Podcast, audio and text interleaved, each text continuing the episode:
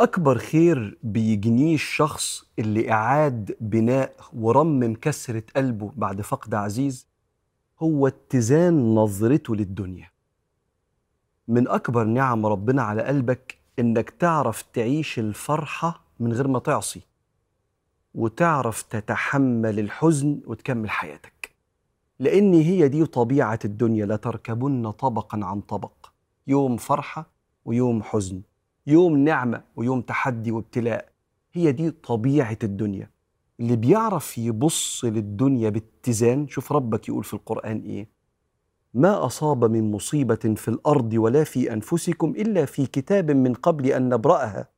كل ده في تقديرك وفي سيناريو حياتك. إن ذلك على الله يسير. طب يا رب بتقول لنا المعلومة دي ليه؟ لكي لا تأسوا على ما فاتكم. عشان الحزن ما يهدكش على حاجات فقدتها في الماضي. ولا تفرحوا بما آتاكم. وهنا الفرحة يعني الكبر مش الفرحة اللي هي السعادة. ولا تفرحوا بما آتاكم. لكي لا تأسوا على ما فاتكم. ولا تفرحوا بما آتاكم. والله لا يحب كل مختال فخور. كثرة العطاء والمنع بتخلي الإنسان متزن. يفرح من غير ما يعصي. وهو فرحان يدوق اللي حواليه من الفرحة. فلو جاله قرش يعرف يدوق اللي حواليه لو جاله منصب يعرف يخدم اللي حواليه مش يبقى متكبر. ليه؟ لأنه عارف إن الدنيا زايلة فالفرحة متزنة.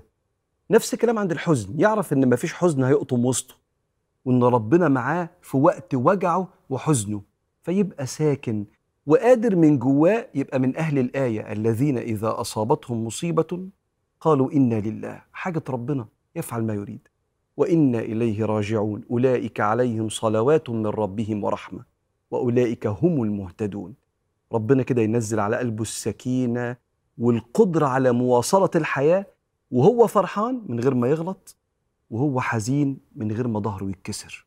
هذا الاتزان هو أكبر خير هتدوقه في قلبك لو قدرت تعيد بناء وترمم هذا الشرخ الكبير اللي أصاب قلبك عند فقد عزيز.